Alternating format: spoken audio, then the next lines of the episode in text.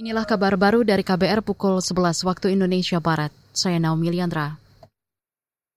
Presiden Joko Widodo mengingatkan para pengusaha agar berhati-hati memilih pemimpin di masa depan. Hal itu dipesankan Jokowi di hadapan kalangan pengusaha yang tergabung dalam Asosiasi Pengusaha Indonesia APindo kemarin kepemimpinan nasional di 2024, kepemimpinan nasional di 2029, kepemimpinan nasional di 2034 itu sangat menentukan Indonesia ini bisa melompat maju atau tidak. Jadi hati-hati memilih pemimpin kita. Siapa? Saya harus ngomong sore hari ini. Siapa yang kita pilih? Kedaulatan ada di tangan rakyat.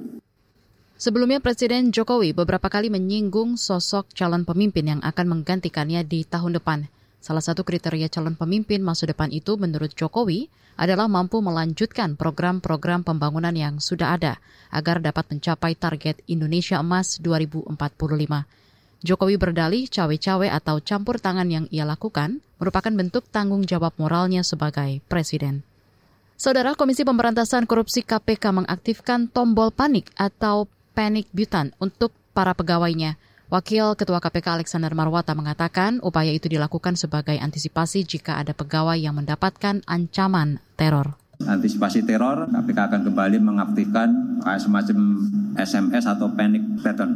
Jadi ketika ada pegawai yang mungkin mengalami tindakan-tindakan teror atau apa pun ya terkait dengan pekerjaannya tentu saja dia tinggal memencet atau SMS gitu nanti kita ada staff yang kita tugaskan khusus gitu yang akan menerima dan langsung bergerak dan untuk itu juga kami lakukan koordinasi dengan polsek-polsek. Wakil Ketua KPK Alexander Marwata menambahkan lembaganya juga menggandeng kepolisian guna menindaklanjuti ancaman teror yang dialami pegawainya.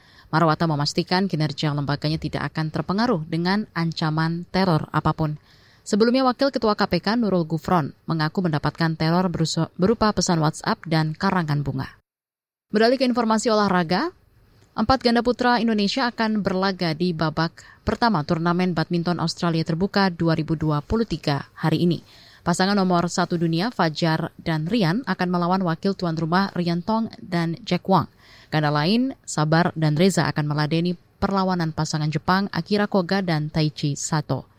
Selain itu ada The Daddies Ahsan Hendra dan ganda Leo Daniel. Dari nomor ganda putri, Apriani Rahayu Siti Fadia akan menantang pasangan Korea Lee Yu Lim Sin Shi Chen. Ganda putri lain yang akan bertanding yakni Febriana Kusuma Amalia Pratiwi. Australia Open 2023 berlangsung di Sydney menyediakan hadiah total 420 ribu dolar Amerika atau setara 6,3 miliar rupiah. Turnamen level 500 ini akan berlangsung hingga Ahad 6 Agustus. Demikian kabar baru saya Naomi Liandra.